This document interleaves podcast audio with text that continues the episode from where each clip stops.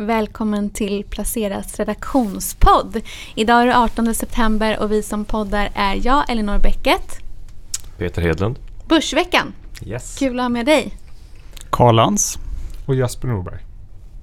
Tänkte börja med att prata om en utav veckans stora snackisar får man väl säga. Nämligen börsnoteringen av Readly som fick lite dramatik så här, precis innan eh, det var dags. Vad kan vi säga om det? Vi har varit lite skeptiska. Vi Ja. pratar ganska mycket om det här på redaktionen. Vi pratar, men jag vet Mm. inte om vi har kommit fram till någonting riktigt. Men, men vi kan börja ändå. Ja, det, det, det som är lite kul är att det faktiskt har engagerat folk, den här noteringen.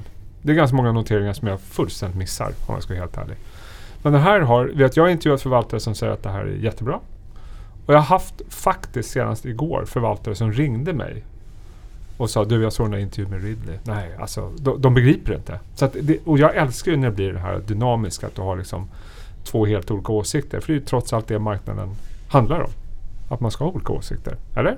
Absolut, det Ja. kan ju... Så att mm, jag tycker därför gott. blir det här väldigt kittlande. För att det är första gången på länge som en notering faktiskt engagerar folk. Plus då att det kommer en nyhet ett par dagar innan noteringen som får så vitt jag vet ganska många att eh, tacka nej till någonting de hade tecknat innan. Om någon inte hängt med så handlar det ju om att Aller och Bonnier Bonnier. News inklusive Expressen. Eh, och, och enligt min mikroanalys då, den här får ju verkligen tas som en nypa salt. Min mamma är ju glad användare av Readly. Vad är det hon läser där? Ja, det är typ Aller och Bonnier-grejer. Mm. Eh, det är liksom därför hon tycker det här är smidigt. Mm. Eh, och sen förstår jag liksom att det här är ur ett kundperspektiv, eller prenumer- antal prenumeranter så förstår jag att det är en relativt liten del av den totala. Alltså det som försvinner då med, med eller, och ant- framförallt så är det också antalet kunder som de har.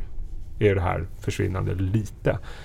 Men visst fasiken är det ett ganska intressant signalvärde att två så stora mediehus ändå säger tack och hej. Men har de inte sagt att de ska fortsätta förhandla då? Ja, Aller har gjort det. Jag Mm. tror Bonnier har väl inte sagt det. De har väl snarare sagt att det förmodligen inte finns en framtid i den här intervjun som de gjorde med sin egen tidning. Och de vill ha sin egen som de har för sina böcker, typ eh, Ja, som, och de har ju, Expressen har ju redan en premiumtjänst. Eh, och de har väl också någonting som är motsvarande då för det som är inom Bonnierkoncernen som för övrigt kostar då lika mycket som Readly som har betydligt fler tidningar. Vilket också tycker jag tyder på att är inte det här en marknad det kommer komma en prispress i också? Ja, och det är just det där med kannibaliseringen som är ett så stort problem. Vill man ha sina grejer på Readly om det kostar 99 kronor med Readly? Ja, Det är alltid en fråga. Och sen såklart, det kan ju vara ett, ett förhandlingsknep nu. De vet ju att Readly är sårbara just nu så man tryckte väl till lite rejält i förhandlingen kan jag tänka mig. Ja, jag, jag pratade med en förvaltare som trodde att eh, ja, men de här två kommer komma tillbaka. Mm. Men det tyder på att det också finns en risk ur Readlys perspektiv att det blir en prispress i den här branschen. Eller? Definitivt. Men, men vad jag tänker är så här. Är det inte så att de här två, uh, Aller och Bonnier, att de vill bli delägare i Readly? Att det vore smarta liksom. Ingen aning. För dem. Det kanske är så. Ja men det tror jag för att Spotify hade ändå skivbolagen med sig. Exakt. Mm. Och det, det kanske krävs för att lyckas. För annars är det här att du kannibaliserar på din egen produkt och du tjänar så pass lite. eh, Det är svårt att se stora marginaler i en sån här äh, affärsidé, tycker jag. Mm. Jag kanske har fel. Jag är kanske inte den mest digitala människan. Men, men det, du kanske har en poäng där, Kalle? Alltså det Att smarta ur Readlys perspektiv vore ju att försöka få med dem som ägare. Skulle Ja. jag säga. Just det. Och då är ju frågan om man har försökt det eller... Det kanske man har försökt. Ja, Ja. Det är väl lite grann så som eh, en helt annan Swish ägs väl av ett antal banker. exakt. Mm. Att på så sätt så blir det en Mm. bra affär liksom. Mm. Alla blir lite, lite nöjdare i alla fall. Kanske. Ja. Alltså det är ju klart att det är en jäkligt praktisk tjänst för konsumenten att ha allting Mm. Samlat. Eh, det förstår jag. Alltså jag tycker det är fantastiskt med Readly, eh, särskilt om du läser utländska tidningar. Eh, Jag, jag som läser lite tyska tidningar, Mm. du får ju liksom en, en bästa tyska börstidningen till exempel. Men, men då får jag fråga, om jag frågar det, och det är ju jättebra tjänst. Sant. Men Mm. det är klart att för den tyska börstidningen är det nog ganska... Alltså det är helt okej att svenska konsumenter kan läsa det, för det är en sån liten marknad. Mm. Men kommer de kunna ha ett sånt avtal med den tidningen i Tyskland på sikt, där de har betydligt fler läsare? Att där blir det en kannibalisering. Jag har lite känslan av att, eh, precis, om, om Readly skulle bli större i Tyskland än vad det redan är. Ja. De är ju redan ganska stora men, Ja. men den är ju ändå väldigt liten totalt sett. så kan jag tänka mig att då kommer det bli samma uppror bland, bland tyska tidningshus eh, som det nu har blivit hos Marley och Bonnier då. Men är de- inte risken då att Readly blir liksom en plattform där du får massa lokala tidningar där liksom svenska marknaden är så liten. Liksom. Att i Tyskland kan du läsa Sköna Hem liksom, för den, de få som är intresserade i Tyskland. För där kannibaliserar du inte. Liksom. Och, det är någon, Mm. och någonting säger mig också att är du, säg att man prenumererar på en tidning som ja, men hyfsat dyr ändå och sen så helt plötsligt så går du, du märker att du kan börja använda Storytel och betala en bråkdel av priset så tror jag ändå att man någonstans eh, inte bara det att då tidningen förlorar intäkter att man kanske är mer eh, lojal som prenumerant än som Readly-prenumerant någonstans. Att det är liksom lättare att tappa läsare helt Mm. och hållet. Ja. Sen kan det också vara de här magasinen där, de har rätt så reklamintäkter. Om folk då går över till Readly istället, om man minskar liksom den pappersupplagan så kan man ju ta stryk den vägen också. Mm. Mm. Det var teckna sälj, vilket visade sig att, eh, i, i Börsveckan. Eh, man får ju läsa Börsveckan om man vill läsa den analysen, för det finns en hel analys också. Men det var ju ett eh, ganska smart råd, så här i efterhand. Ja, det blev ju bra, om än det är lite spekulativt. Vi, egentligen Vi vet så inte vad som vi... händer så, så småningom förstås. Nej, långsiktigt så kände vi väl att nej, det här är ingenting vi vill äga. Men som vi pratade om tidigare, det är en sån hypad introduktion så det var nästan givet att den skulle gå upp. Sen var det ju lite mer osäkert då, i och med Aller och Bonnier-tappet. Men, Ja, men den gick ju upp, Det menar steg jag. väl en tre, Den gick upp. Eh, så tog man det rådet så blev det ändå bra. Eh, med det sagt så var det intressant att eh, det var väldigt stora stödköp från ABG där. Okej. Så att vi får se hur det här Ja, den går är ner, när vi spelar in det här så är den ner ungefär 1% aktien idag. Mm. Idag. Idag. Ja. Den var uppe igår. Den, Mm. den, var, den kom väl in på 59 och vad stängde den på igår? 62, 63? Ja, 65 tror jag Det nästan. var så mycket? Okej, det, jag- det var lite trögt i starten där kanske. Nog om det. Eh, andra, veckans andra stora snackis, eh, Handelsbanken får man väl säga. Spännande. Mm. Det är Kontorsstängningen. jättespännande. Ja, Mm. stänger eh, 180 kontor. Det är Ja, väl nästan rationellt. hälften. Nästan hälften ja. Ja, det som var konkurrensfördelen. Alltså Mm. det är ju precis som du säger Kalle. Det låter ju väldigt rationellt. Som du säger Kalle, jag tycker det låter rationellt. Ehm, och inte minst eh, i spåren av Corona. Där, där de som inte har varit speciellt digitaliserade, äldre generationen, har ju väldigt många tvingats lära sig. Igen, min mikroanalys. Jag använder min Mm. mamma igen. hon har ju liksom lärt sig allting om eh, Swish och BankID, vilket hon inte gjorde förut. Nej, Och tycker dessutom det är kul. hon älskar det. Hon tycker det är jätteroligt. Så Mm. att det är klart att och väntar man ytterligare tio år så kommer det bli spontant kännas ännu mer rationellt. Sen förstår jag liksom att på mindre orter att det är väldigt bra att ha ett kontor man kan gå till. Det finns liksom en social grej och lokala företag och sånt där. Det förstår jag. Men mitt huvudvärk med det här lite grann det är ju att det här sitter ju i Handelsbankens DNA. Det är ju deras kultur. Och då får man lägga till det här med oktogonen också. De Mm. som slutar göra avsättningar. Vilket kanske är en ännu starkare kultur bland handelsbankerna. Så att jag vet inte om det blir så himla smidigt för handelsbankerna. Ah, vi drar ner oss så tjänar vi en miljard så är det klart. Nu var jag lite... Ja. Men, men det känns som det är en svårare nöt internt att, lösa, tror jag. Där regioncheferna har varit Exakt. gu- halvgudar åtminstone. Det kan ju också vara så att det är va- värsta, att det är en väldig befrielse för Handelsbankens anställda att eh, det här försvinner. För att det kan hända att, ja, men det kan hända att de har känt att de har suttit i en gyllene bur. Eh, och Jag är eh, inte så säker på det. det kan ju vara... Inte heller riktigt. Än, äntligen finns det inget skäl att stanna. Liksom. Det har väl inte gjorts avsättningar på ett par år heller? Nej, det va? har Om inte. jag minns rätt. Och det har varit väldigt mycket gnäll om det. Eh, nej, jag tror de tappar en konkurrens. De ska ju fortfarande göra utbetalningar. Eh, för det finns ju väldigt många människor som har varit på Handelsbanken. Mm. Som har liksom, sitter och väntar på pengar. Men de kommer ut och då skrev någon att eh, då kanske de tvingas sälja Handelsbanksaktier för att kunna finansiera det. Mm. Mm. Och då kan det också bli någon form av skatte... Ja, ja, jag tycker det är intressant för att det här har ju varit på något sätt så mycket Handelsbankens kultur. Det har suttit i väggarna det här med Det är Jan Wallander va, som uppfann allt det här. Just det, Det är det som dör nu. eh, Mm. eh, kyrktornsstrategin eller vad man kallar det för. Och som du sa, vad var det? Två, för två VD sedan så var det någon som fick i princip sparken nästan för... De vill ändra lite grann i kulturen. Så att, eh, Så, ja. Men Ja, det kanske ändå, man kanske ändå mår bra, i längden mår bra av lite personalomsättning. Ja, Exakt. och det är klart att digitaliseringen det, det är väl typ det starkaste, starkaste trenden som, som finns och den lär ju pågå länge till. Så att det känns ju inte konstigt ur det perspektivet men jag tror inte man ska underskatta det här förändringsarbetet i en bank som det som sagt sitter i DNA på. Nej. Men, men som sagt, man var nog tvungen att göra någonting och Mm. menkontoren har varit heliga.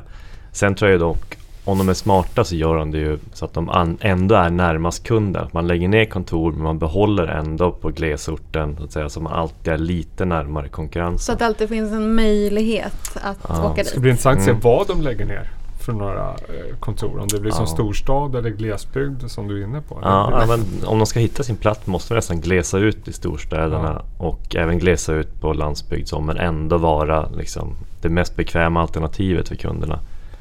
Om man ska ha den här konkurrensfördelen som man ändå hävdat tidigare att kontoren, det fysiska mötet är. Ja. Då Men måste jag läste finnas. någonstans att det fanns typ 30 kontor bara i Stockholms innerstad. Något sånt där. Och det är låter ju- fortfarande så att Mm. efter den här, Ja, efter den är de här äh, nedskärningen av antalet kontor så kommer man fortfarande ha väsentligt många fler kontor än vad närmaste banken har. Om det Så, så man kan dra slutsats att de kommer fortsätta att dra ner kontor framöver. framöver. Ja. Ja, Ja, men man kan ju bara fråga sig, jag vet inte hur länge sedan ni senast var på ett bankkontor. ja, det jag tänkte också det. Det är nästan Nej, fem- jag minns inte. 10-15 år sedan är det. Jag kan knappt minnas. Ja, jag hade ett bankfack så det kanske är fyra år sedan eller något sånt där. Mm. Men banktjänster var det ju ett, ja det minns jag inte ens. Nej. Och, Nej, jag, jag var inne för, eh, det kan vara fem sex år sedan med min bankdosa som hade gått sönder. Då var jag tvungen att komma in. Det var det jag gjorde. Mm. Eh, ja, jäkligt intressant i alla fall. Vi kanske inte är... Jag tror, jag tror ändå att så väldigt stor skillnad är det inte. Om man, som du säger, om man går lite längre upp i åldrarna heller. Nej. Hur är det med förresten med, nu slår mig bara nu, vem, vilka fastighetsägare är det som äger bankkontor liksom? Eller som, Med tanke på att varenda liten, som det ser ut då i dagsläget, varenda liten mm, sketen gammal bruksort har typ ett Handelsbanken-kontor så måste det ju vara otroligt skiftande, tänker jag. ja det borde ju vara det, precis. Men det kommer ju slå lite grann på marginalen mot nå- några fastighetsbolag säkert. Mm. Det är det. I alla fall kortsiktigt. Ja, å andra sidan om de är i bra lägen då på de orterna kanske de kan hitta en ny hyresgäst där tämligen enkelt. Men Men är inte bankkontor också lite så här specialdesignade för just bank? Att man har liksom Kassaskåp extra och tjocka väggar och sånt här. Och, ja, Vem vill inte ha ett kassavalv? Liksom? Ja. Det kanske blir lägenheter då. Så får man såna här, vad heter panic room som jag alltid velat ha. just det, just det. Så du kan känna dig ja. Nej, nej, behåll kassa... Bank, behåll bankvalvet, det ska jag ha kvar. Mm. Det har varit, var ju andra nyheter för ehm, det var ju bland annat Finansinspektionen som gjorde något sånt tekniskt som gjorde kapitalkrav. Nu, jag har inte så har inte koll på detaljerna men det var ju inte bara den ehm, eh, nyheten som kom i just Handelsbanken. Handelsbanken värderas väldigt, väldigt lågt och det blev inte så positivt om man ser över hela veckan på den här nyheten, reaktionen. Vad tror ni generellt om, om bankerna framöver? Du pratade med Sundling. Han tyckte det var märkligt låg värderingar på vissa sektorer. Ja, inklusive bank. Eh, generellt sett då. Eh, och, men det har väl nog att göra mer med liksom det här med eh, value mot growth och så vidare. Jag tror Mm. kanske inte byggdes så mycket på liksom att de var fundamentalt oerhört starka bankerna utan snarare att det var kanske så som De har noll tillväxt. Ja, men som den ekonomiska utvecklingen ser ut och liksom, eh, inflation och så vidare. Så trodde han liksom att det fanns läge för value-aktier där banker ingår. Så jag tror liksom inte att det var det, var det här med att ja, det är fundamentalt kanon. För det är det ju inte för bankerna. Nej, Det är det ju inte. men någonstans måste det ju finnas En botten. en botten Mm. ja, på när det ändå den där utdelningen som, kanske, som ju inte kommer i år får man Nej, väl tänka sig. nej. Eller definitivt inte för Handelsbanken. Men, Nej, jag tror inte det kommer någon utdelning från någon av de större bankerna. Det Nej. är väl ganska Nej. tydligt från politiskt men håll nästa också. år Ja. kanske man kan förvänta sig lite extra utdelningar å andra sidan. Och så, Ja. så, ja, han trodde ju att det kommer en extra utdelning från Nordea. Tyckte jag han sa att det var ett sannolikt scenario. Liksom att det kommer retroaktivt då på något sätt. För i dagsläget så har det ju ändå, och de här avsättningarna och sånt där som har gjorts, de, det, har ju ändå, det ser ju ändå bättre ut för bankerna än vad man trodde då kanske när det krisade som värst, eller befarade. Mm. ja.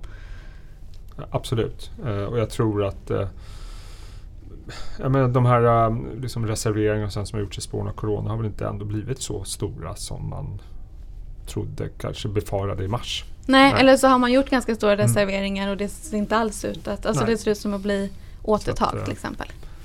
Det är, det är intressant. Det är svårt med bankerna. Det är fortfarande liksom kolosser på larvfötter som behöver liksom anpassa sig till den nya tiden.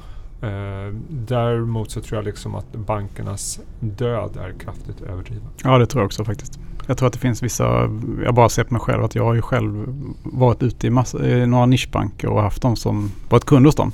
Mm. Men har faktiskt gått tillbaka då till, faktiskt till Handelsbanken då. Som jag hela tiden har haft men jag har liksom Ja. lagt in allting där. Eller mycket av det jag hade tidigare ute har jag valt att samla där istället. De har heltäckande service. Ja, exakt. Det är ju ändå liksom, de är så stora och känns liksom skönt att ha det där bara liksom. Även om det är liksom kanske lite, lite höga kostnader. Mm. Nej, Ja, det är kanske också en prispress. Ja, och helhetskunderna kanske minskar. Att man som, som vi då handlar aktier på Avanza. Man har ändå liksom internetbanken, betalar räkningar.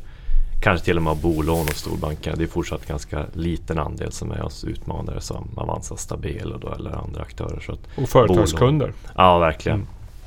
Så att det kommer ju finnas kvar. Det är ingen, ingen snack om saker. Men de kommer ju måste investera i IT.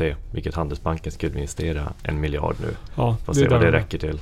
Det, det låter inte så Nej, men det är, mycket. på, det är som jag sa i morse när vi pratade. Det är, alltså hela den här äh, med Handelsbanken och äh, digitalisering och allt sånt där. Det, det låter lite grann som om man skulle bygga Friends liksom. Det skulle kosta en miljard. De är uppe i tre miljarder nu. ja. Det, det känns som att det här är en... Det kan kosta hur mycket Och det gäller givetvis inte bara Handelsbanken. Nej. Det, det gäller alla storbanker har ju legat efter de mindre aktörerna vad gäller digitaliseringen. Ehm, Och då det ligger ändå storbankerna, i de svenska storbankerna och även Nordea jättemycket före övriga Europa och övriga Ja, världen. Och inte minst Mm. USA. det Verkligen. är Ja, faktiskt ganska intressant ju- att bara tänka på det. Ja, Mm.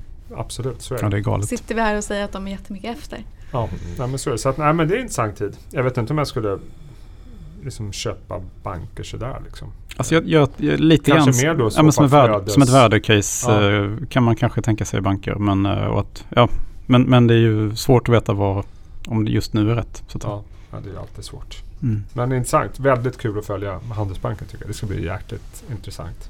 Mm. Eh, och apropå extrautdelningar och, och eh, allt sånt där. Vi har haft en del omvända vinstvarningar den här veckan. Eh, ja, vi hade ju Bilia idag. Kom idag ja, precis. Bilia kom idag. Eh, stark efterfrågan på begagnade bilar. Väsentligt eh, högre resultat än förväntat Q3. Jag vet inte, jag kollade inte aktien men jag förutsätter att den gick upp kraftigt. Det kan man tänka sig. Vilket inte en annan omvänd vinstvarning gjorde idag. Nej, eh, Note. Note eller Note eh, hade ju bättre marginaler än väntat. Men säger att tillväxten bara blir 3% och de har man ju tidigare varit ganska haussade och trott man kan nå målet på 10% Men då pratar man om att det är pandemin som råder i Kina och England. Och England kanske inte var en överraskning men att det fortfarande var stora problem i Kina trodde jag inte. För där lättade ju Q2 ändå mot slutet. Så, Och Sverige-Finland var starkt va? ja, precis. Mm. Då blev, då blev du lite fundersam. Ja, man undrar ju. Det, man får inte alltid veta sanningen från, från Kina. Men när det Intressant, kommer... intressant signal, Ja. absolut. För där trodde man ju på något sätt att där är det bara happy days igen. Ja visst är känslan att det har Ja. blåst över där. Att det är under kontroll. Inte alls några större Nej. problem. Men vi får väl se nu när siffrorna börjar rulla in. Annars har vi Nobina, Husqvarna, Sweco men kanske framförallt då H&M. Mm. H&M också ja. Just det. Mm. Väldigt stark eh, resultatsiffra. var. Väsentligt bättre än väntat. Eh, tillväxten var väl ungefär som väntat. Vad var det? Minus 15 procent? Ja, 16 tror jag. Ja, jag tror för- förväntningarna kanske var minus 15 procent. Eh, Men de hade ju börjat öppna upp rejält nu, antalet butiker såg jag. Det var ju en stor skillnad. Och de sa väl att kollektionen var- hade gått bra. Men, men resultatet, uppenbarligen så är kostnadskontrollen bra. De verkar ha gjort någonting där, magic trick. Sen om det är över, alltså oron är över för retailbranschen, det vet 17. De särredovisar ju inte e-handeln va? Nej. Vilket gör att det blir lite svårt att veta.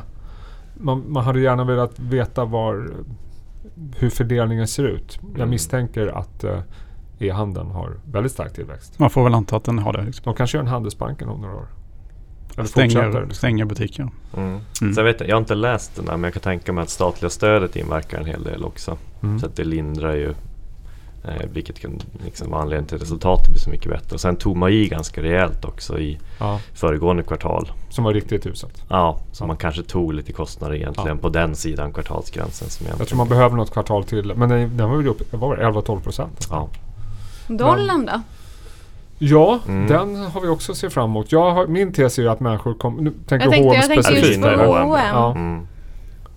De, eh, hur är det? De är vinnare Ja, på de det, köper va? in i dollar, Ja, sen säljer de mycket Exakt. i, i euro då, till exempel och andra valutor. Eh, annars får jag känslan av dollar generellt nu när vi närmar oss Q3 att människor verkar känna, "Pff, vem bryr sig? Det, man vill bara se Mm. återhämtningen, liksom underliggande vad bolagen säger om framtiden. Att, eh, äh, Ja, det har varit väldigt lite valutasnack tycker Ja, jag. men det rensar de bort liksom. Mm. Man, man, vill bara, man vill ha ett, par kvartal till där man vill se vad bolagen säger om återhämtning och utsikter. Mm. Då tror jag man kommer ha... För det är klart att dollarförsvagningen kommer påverka många eh, bolag. Ja, verkstad borde ju Ja, verkligen. Ja, eller överhuvudtaget kronförstärkning. Även mot euron har den Ja. kronan stärkts rätt kraftigt alltså. Så Det blir brukar vara en ursäkt i alla fall om det inte går så bra sen i rapporterna. Ja. Det är kanske då det mer kommer upp på... Det kanske man inte kommer Mm. undan med nu tror jag. Men eh, ja, väldigt intressant eh, tycker jag. Men eh, annars tycker jag liksom Q3. Jag, hade en diskussion med eh, ett par förvaltare om förväntningen inför Q3.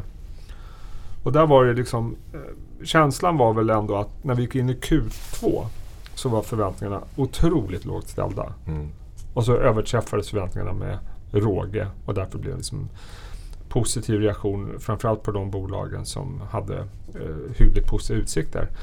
Nu får jag känslan när jag pratar med förvaltare och analytiker att nu ökar förväntningarna gradvis inför Q3. Många som säger att ja, men jag har pratat med bolag som säger att Nej, men det har gått bättre än väntat nu. Det är liksom, återhämtningen har gått snabbare än väntat och det känns jättebra. Tipptopp liksom. De här Nej, omvända vinstvarningarna, alltså, de- talar ju för det också. Omvända Det är Ha, ju inte, haglar ju nästan. det är ju inte bara Ja. en, eh, Exakt. en bransch eller så. Det är och det, ganska det är inte, jag tror att var, Mm. var det inte Bilia som sa det att de inte har nyttjat speciellt mycket sådana här permitteringsstöd och sånt där. Så att, för det hade man ju lite kritik mot Q2 att det var ganska mycket liksom, Mm. svårt att läsa liksom, underliggande. Men eh, frågan är om vi drar upp förväntningarna för mycket inför Q3. Ja, kanske. Men, jag- men jag tänker så här, vi, vi hade en positiv vinstvarning från finska Cargotech. Och Just det. det. var ganska lustigt Kors för att. Cargotech har aldrig, vad någon kan minnas i alla fall, Nej, haft precis. en positiv vinstvarning. Nej, det liksom, har alltid varit åt andra hållet. Ja, Och det är ju logistiklösningar så att säga. Mm. ja, och det är intressant. tecken på att eh, det händer något i ekonomin verkligen. Och samma sak, Fedex kom in uh, Ja. för några dagar Och det är sedan. också en bra signal. Slog, Ja. eh, slog med råge då också. Jättebra konjunktursignal Fedex. Ja, Är det e-handeln då eller? Jag har inte läst eh, rapporten i detalj. Men eh, generellt om de Men det eh, går väl har bra väldigt- rapporter så är det ju väldigt Båt- positivt. Ju. Mm. Båttrafiken är väl intensiv nu? Om jag har förstått rätt. Och det är ju, ger ut på motorväg och kollar lastbilarna. Det är ju inte så att det är Det är uppe på normal nivå igen alltså. Ja. Eller över normal Jag tror nästan det Mm. kan vara över på vissa håll. En bit över. Ja. Mm. För det är ju mycket tung trafik. Ja. Det är det. Några som fortfarande däremot har det riktigt tufft i fotbollsklubbarna. Du, du har skrivit om fotbollsaktier den här veckan, Karl. Yes, jag kikar lite på de Äntligen kvalitet på största, placera. ja, de största europeiska klubbarna. Mm. Eh, som Manchester United och AIK Borussia, där, Borussia Dortmund. Och, Nej, de är för stora för dem. men det intressanta där är väl att eh, alltså de är ju de är ner rätt kraftigt men det är mycket då det är på grund av att publiken inte får tillåtas på matcherna och en, en ganska stor del, alltså mellan 20 och 30 procent ungefär av intäkterna kommer ju från match, själva, att folk är fysiskt på plats och ser på matcherna. Mm. Och att man säljer grejer och omkringtjänster och sådär. Men eh, nu kommer ju nyheten den här veckan faktiskt att eh, i Tyskland, så, eller i alla fall i, i, när det gäller Borussia Dortmund då, så kommer man att börja tillåta eh, att man fyller arenan igen. Eh, inte, som ett dock, experiment? som ett experiment? Mm. under sex veckor. Och Och se, ska man fylla den helt eller? nej, Nej. jag tror man kunde fylla den till 80 procent. Så pass mycket? För Ja. de, de är ju dessutom extremt publiktunga. Ja. Det är de som har världens högsta publikgenomsnitt. Den gula väggen heter det va? Ja, ena södra läktaren kallas för gula väggen. Ja. Det är Europas största ståplatsläktare. Och de har ganska, haft ganska hårda restriktioner i Tyskland. I Sverige är det fortfarande 50 pers, eller? Vad är det? Det är noll på fotboll. Alltså det är, Fotboll är- de tar inte in några. Nej, de tar inte in några... de tar in det spelare och skulle ledare bli och journalister. 500 nu va? Men de menar att det inte är värt ändå för då måste de ha all säkerhetspersonal på Ja, plats. det blir dåliga affärer. Så Ja. att det lönar sig Och sen finns ju Men det här var ett experiment. Det här kommer vara ett experiment fram till slutet på oktober då. Och då är det bara ett lag som får prova. Ja, jag- inte Ja, jag. ska, jag, jag, jag, vet, eller rätt sagt, det, det, jag vet inte om det är fler lag. Men jag, Nej, jag vet, okej. men jag vet Mm. att det är i alla fall Borussia är med här. Och det fick aktien att gå upp en bit. Eh, men den är fortfarande ner Missförstå mig rätt. Eh, det är väl ingen hemlighet att jag älskar fotboll och eh, jag tycker det är hemskt att inte kunna gå på fotboll. Men samtidigt är det så här, man ser nu smittan ökar ju kraftigt i Europa. Alltså corona. Mm. Det är ju mm. verkligen uppe på de här gamla höjderna igen liksom. Ja, nu kör vi. Mm. Men, men, samtidigt är det, men det är andra grupper som smittas. Det är väl yngre alltså, människor som inte, inte dör. inte påverkas nämnvärt. Nej. Alla som har åkt kommunalt till Swedbank Arena någon gång. Vad är Swedbank Arena för något? Ja, nej, förlåt. Friends Arena hette den. Ja. Den hette aldrig det. ja, Friends Arena. Ja. Jag eh, vet ju att... Eh, hur härligt det är. Ja. Och trängas på tunnelbanan. Det handlar ju kanske inte om hur trångt det är på... På arenan. På arenan. Nej, det är ju en fantastisk känsla att stå och trängas mm. i tunnelbanan. Underbart. Jag tänkte spridningen där, om du sa att det är bara unga som går på matchen och liksom ja, står och trängs där. Men sen sticker de ut på tunnelbanenätet och åker i alla riktningar. Går i matvarubutiker efter och träffar äldre. Så att du kan inte stoppa spridningen på det sättet heller. Det är unga målgrupper som är på fotbollsmatchen. Utan ja, det, det kommer ut i samhället sen. Jag vet inte om jag tillhör den unga målgruppen. Men en skillnad mot Europa och Sverige är väl också att man har ju faktiskt masktvång i typ hela Europa. Och det kommer det bli då på fotbollsmatcherna? Mm. Alltså det är misstänker jag. jag misstänker att det är ja. definitivt eftersom det är masktvång överallt annars så att säga. I, om du går in någonstans i, i alla ja. fall i Tyskland. Jäkligt intressant. Ja, jag ja. Det lärde man Men vad, vad mynnar den här artikeln ut i då? Den mynnar ut i att uh, om man är super... Man ska inte köpa fotbollsaktier om man inte gillar lagen så att säga. Man, man ska, det är lite mer som en fangrej egentligen. Men kanske då, kanske kanske att det finns en liten späckuppsida nu om man då... om man, om man ser slutet på pandemin så att säga. De har ju gått ner mycket. De har gått ner mycket. Ja. Uh, I snitt 30 procent ungefär. Mm.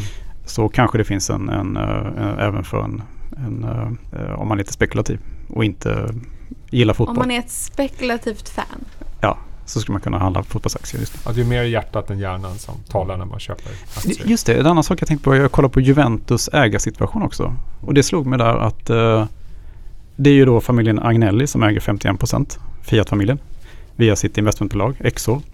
Men sen efter det så är det faktiskt eh, flera kända fondbolag som är inne i Juventus. Jaha. Och det är bland annat norska oljefonden och du har liksom Blackrock och, och de här Jaha, stora bolagen. Det förvånar mig faktiskt att den har så extremt bra ägare. Liksom. Ja, det är intressant. märkligt. Ja. ja det och det kan ju liksom, det fick mig så här, bli lite positivare, bara den, den, den, den bilden så att säga.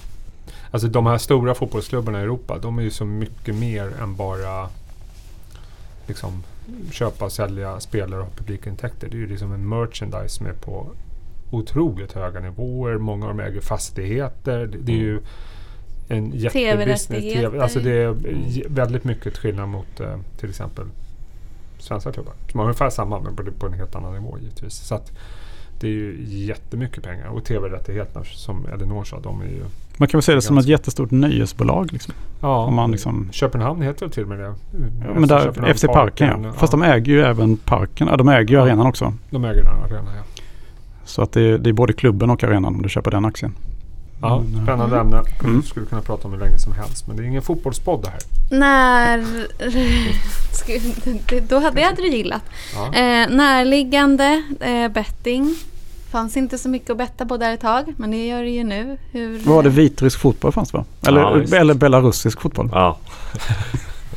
ungdomspingis. Bordtennis. Ja, ja, precis. Träningsmatcher för ungdomslag var det. Så det. Men nu, nu finns det ju hur mycket som helst. Det är ju alla ligor igång. Eh, I USA till exempel har ju NFL kommit igång så nu var det ju dunderrekord där. Jag tror Draftkings sa att de hade 500% ökning nu jämfört med fjolåret på NFL. Då. Hur har det här återspeglat sig i kurserna? Varierande. Kam, ja, Kambi går ju starkt. Ja, men jag kollade faktiskt på en kursgraf igår. Jag tog ut Kambi, Betsson, eh, Kindred. En jäkla stor spridning. Ja. Förvånar mig lite grann. Mm. Kan man se, se något mönster då? Vilka som klarar ja. sig bäst? Alltså Kambi tror jag var nere runt 50 eller 70 kronor som värst i coronakrisen. Nu är de väl uppe i 270.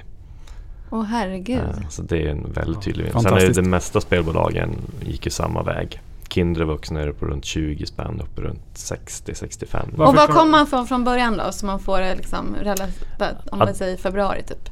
Ja, de stod ju högre än så. Mm. Eh, men alltså, de är ju högre nu än vad de var innan, de allra flesta i alla fall. Alltså de har liksom återhämtat sig och mer därtill? Mm.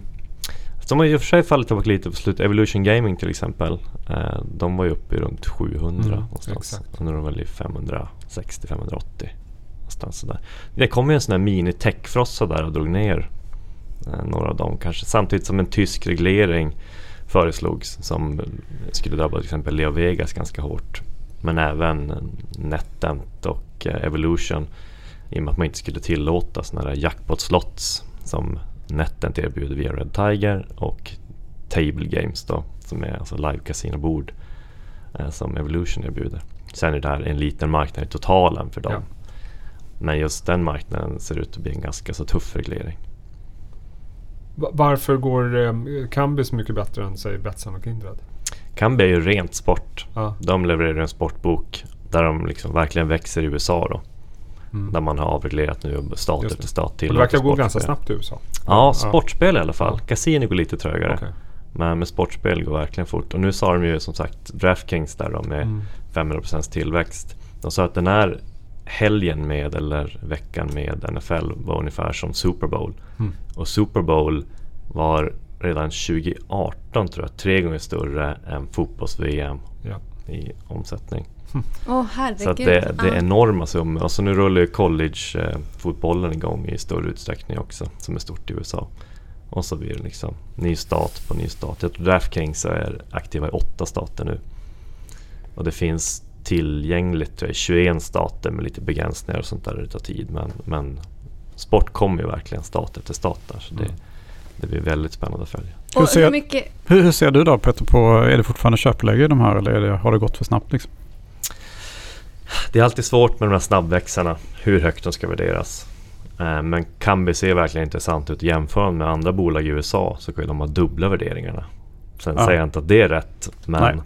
det, det är en kunna Om man nu tror på nollräntor så slår det ju enormt på de här bolagen där vinsterna ligger långt fram i tiden.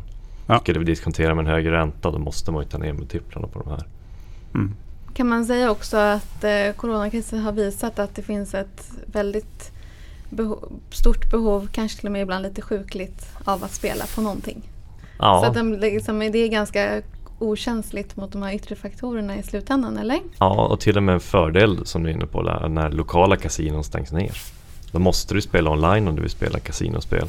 Du sitter hemma lite uttråkad, så dataspel har också gått starkt. Men, men är det inte samma sak med att det inte är någon publik på matcherna? Att Mm. sättet att engagera sig på det är att sitta framför TVn och skapa lite spänning på egen hand. Det tror jag är en viktig poäng Ja. faktiskt. Mm. Vi roade oss med att kolla Systembolaget i veckan. inte man kan köpa aktier där men Ja, det- att, eh, att det, har, det är inte så att man inte dricker öl för man drick, inte går på, ut på krogen och dricker öl. Du, det kom precis en, eh, apropå omvända vinstvarning, Carlsberg hade ju också en omvänd vinstvarning. Mm. Mm. Eller att det var, konsumtionen var normal sa de så att säga. Det var ju vinstvarningar, eller positiva vinstvarningar då kan man säga. Mm. Mm. Kopparbergs hade en jättestark rapport innan också. Ja, precis. Spännande tider. Ja. Mm. Ja. Vad hade vi mer då på agendan? Jag tror inte vi hade så jättemycket mer. Jo, det hade, jo, vi har ju glömt det absolut viktigaste av allt. Det är att du har blivit Jag har blivit en tech- jag har tech-investerare. blivit en tech-investerare. det krävdes en frossa.